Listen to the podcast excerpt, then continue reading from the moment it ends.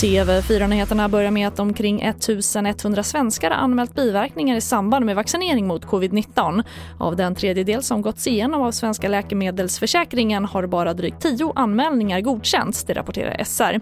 Många anmäler biverkningar i form av kortvarig feber eller ömhet i armen, men det räcker inte för att få någon ersättning.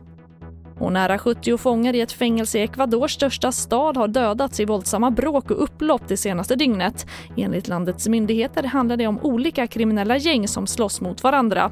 Flera skjutvapen ska ha hittats i fängelset efter att specialpolis satts in för att få slut på våldsamheterna. Och vi avslutar med sport och kvällens viktiga VM-kvalmatch mellan Spanien och Sverige där landslaget känner en stor optimism trots det svåra läget.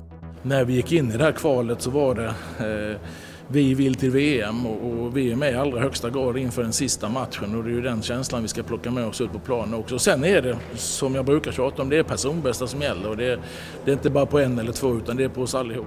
Och det sa förbundskapten Janne Andersson och matchen kan du se ikväll på TV4 och Simor klockan 20.45. I studion Charlotte Hemgren.